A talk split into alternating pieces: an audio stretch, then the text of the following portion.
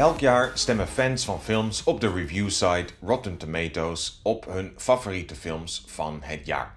In 2022 hebben we veel succesvolle films uit zien komen, waaronder Everything Everywhere All at Once, Avatar The Way of Water en Top Gun Maverick.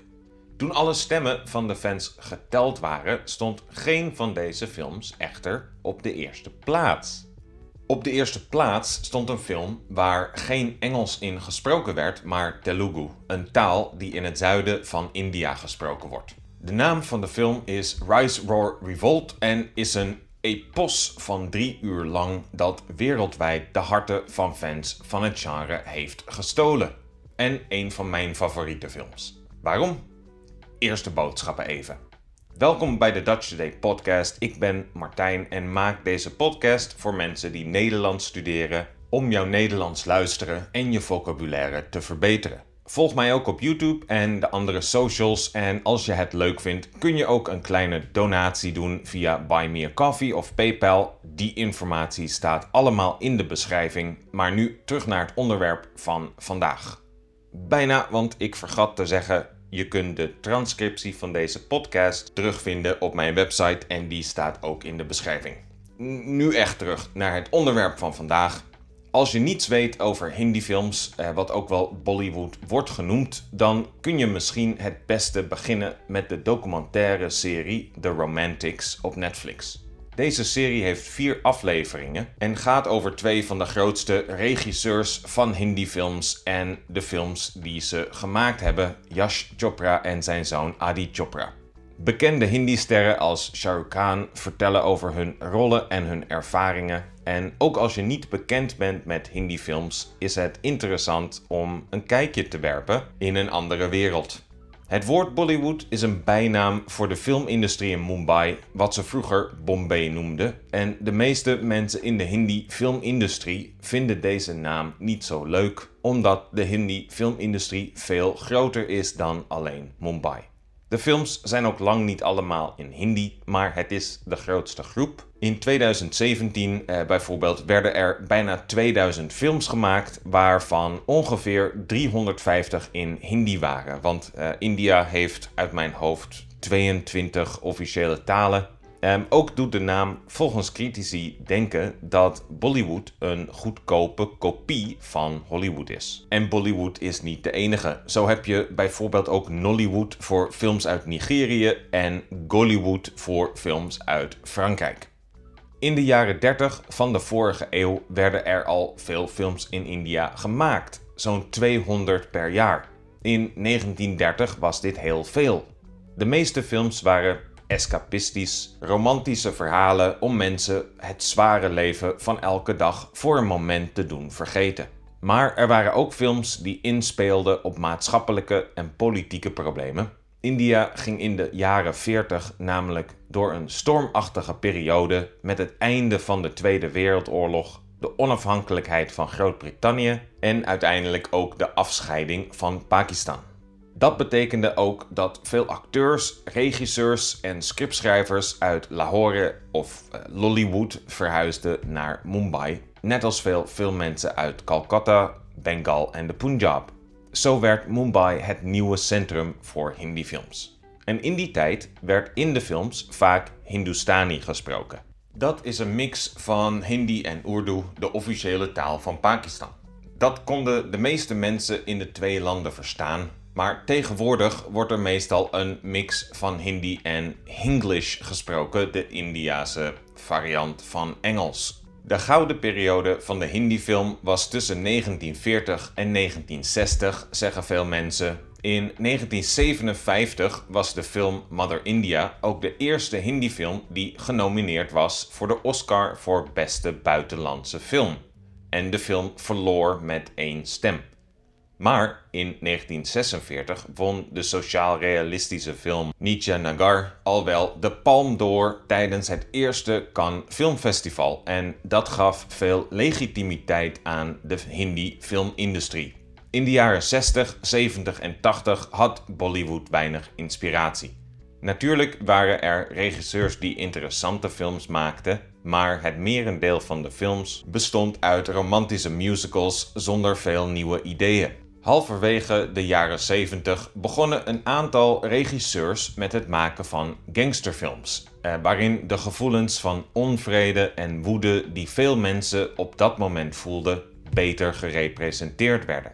Maar aan het einde van de jaren 80 waren mensen het geweld om zich heen zat. Ze wilden het niet meer in films zien. Tegelijkertijd werd het illegaal kopiëren van films populair door de opkomst van de VHS-tape. Dus even werd gedacht dat de Hindi-film dood was. Maar in het begin van de jaren 90 werden films weer echt populair. Dit kwam door de economische groei van India die op gang kwam doordat de regering hun economische policies veranderde om vriendelijker te zijn voor de internationale markt. En familiegeoriënteerde films als Kucha Kucha Hota Hai, die je ook op Netflix kunt zien, werden populair.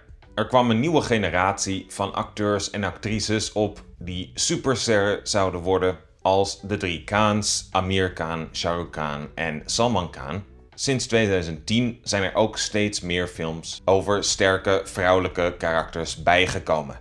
De meest populaire stijl film op het moment nog steeds is de masala film.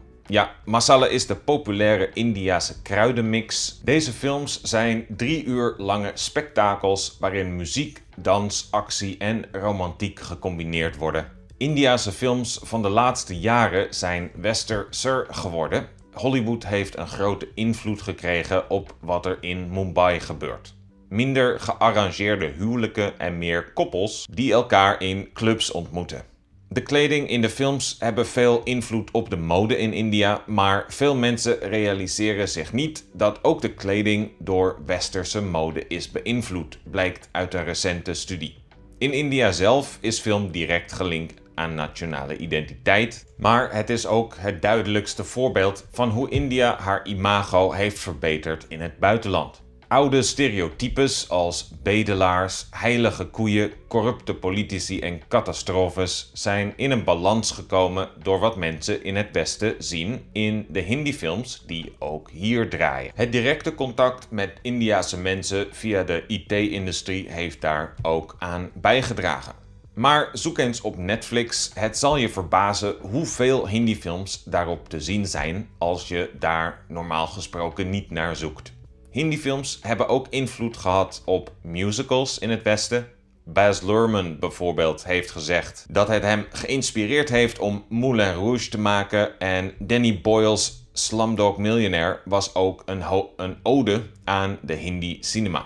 Artiesten als Dr. Dre en The Black Eyed Peas hebben samples uit Indiase popmuziek in hun eigen muziek gebruikt. En ook voor het voortbestaan van de eigen cultuur heeft Hindi-film veel betekend, vooral voor de literatuur en taal. Veel verhalen zijn gebaseerd op oude mythes als de Mahabharat of de Ramayana. Voor de splitsing van India en Pakistan werd er veel Urdu gesproken in films, maar tegenwoordig wordt dat alleen gedaan in historische films of om duidelijk te maken dat de film zich op een bepaalde locatie afspeelt.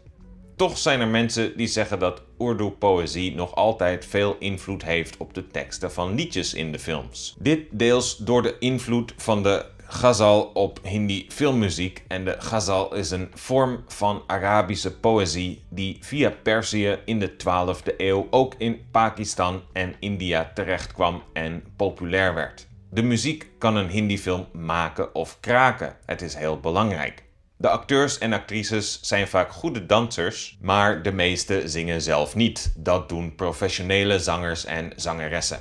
De liedjes worden vaak uitgebracht voordat de film zelf uitgebracht wordt om het publiek te enthousiasmeren voor de film zelf. De liedjes en dansroutines worden vaak gepresenteerd in de film als een soort droom, waarin beschreven wordt wat er gebeurt op dat moment in de film of wat er gaat gebeuren. Ook geeft het vaak een stem aan de gedachtes van de karakters die dan zingen wat ze denken of voelen. En veel mensen in het Westen vragen waarom zit er zoveel muziek en dans in Bollywoodfilms? De uitleg die ik hier zelf over gevonden heb is tweeledig. Aan de ene kant houden veel mensen in India van de manier waarop emoties worden uitgebeeld in dansnummers Maar aan de andere kant uh, verwachten veel mensen in de jaren 30, ja, toen de film begon in uh, ja, de Hindi-film, zang in films en dans, omdat ze dat van het theater gewend waren.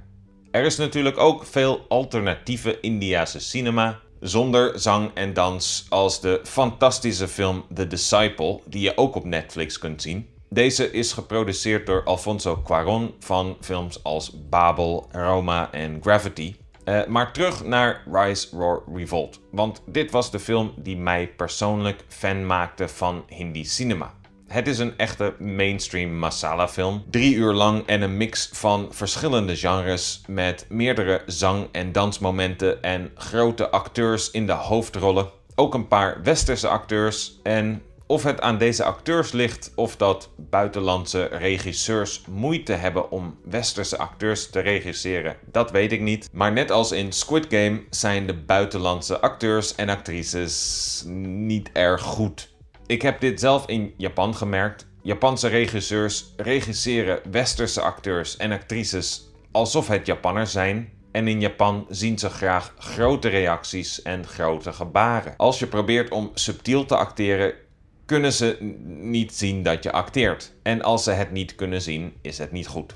Maar Rise Roar Revolt is het verhaal van twee legendarische Indiase vrijheidsstrijders, Alluri Sitaraju en Komaram Bhim, die echt bestaan hebben. Ze hebben elkaar in het echt nooit ontmoet, maar in deze film worden ze in 1920 vrienden en vechten ze tegen de Britse overheid, die dan nog de baas is in India. De regisseur had over ze gelezen en zich voorgesteld wat er zou gebeurd zijn hadden ze elkaar ooit ontmoet. Het is met een budget van 72 miljoen dollar de duurste Hindi-film ooit. Het is ook financieel gezien de meest succesvolle Indiase film ooit. Het heeft 150 miljoen dollar binnengebracht. Verder heeft het een Oscar en een Golden Globe gewonnen voor het beste filmliedje en een Golden Globe voor beste buitenlandse film. En de reden waarom deze film zoveel prijzen heeft gewonnen, zo populair was dat het door filmfans op Rotten Tomatoes werd gekozen als de beste film van het jaar, is simpel. Het is de liefde voor cinema die je herkent als je de film kijkt. En dat is ook de reden dat ik het een fantastische film vind. Je ziet dat de mensen die aan de film gewerkt hebben, van regisseur en acteurs tot scriptschrijvers en cameramensen, van film houden en hun liefde voor film in deze film hebben verwerkt. Dat maakt het leuk om naar te kijken en zorgt ervoor dat de drie uren die de film duurt niet voelen als drie uren.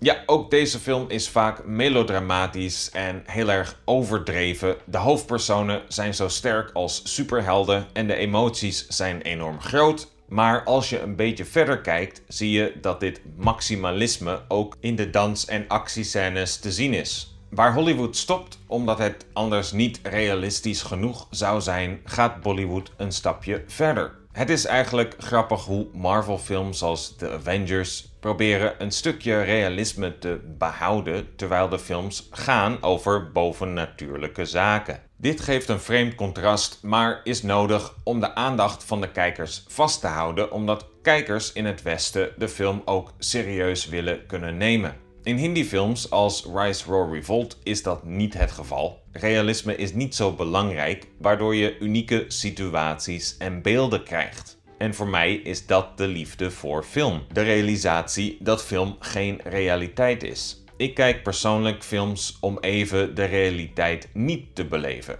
Ik kijk films als escapisme, om uit de werkelijkheid te ontsnappen voor een moment. Ik vind het fijn als de film dit zelf ook begrijpt Film is geen realiteit, het is de visie van de maker.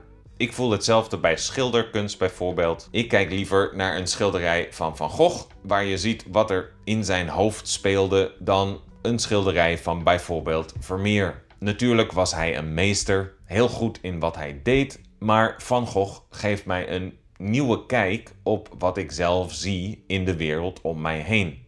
Dus als Rise Roar Revolt een schilderij was, was het de sterrennacht en niet het meisje met de parel. Als deze podcast je een beetje benieuwd heeft gemaakt naar Hindi-films, kun je er veel op Netflix vinden. Van klassieke Bollywood-films als Kucha Kucha Hota Hey en PK tot minder traditionele films als Tumbat en Bulbul.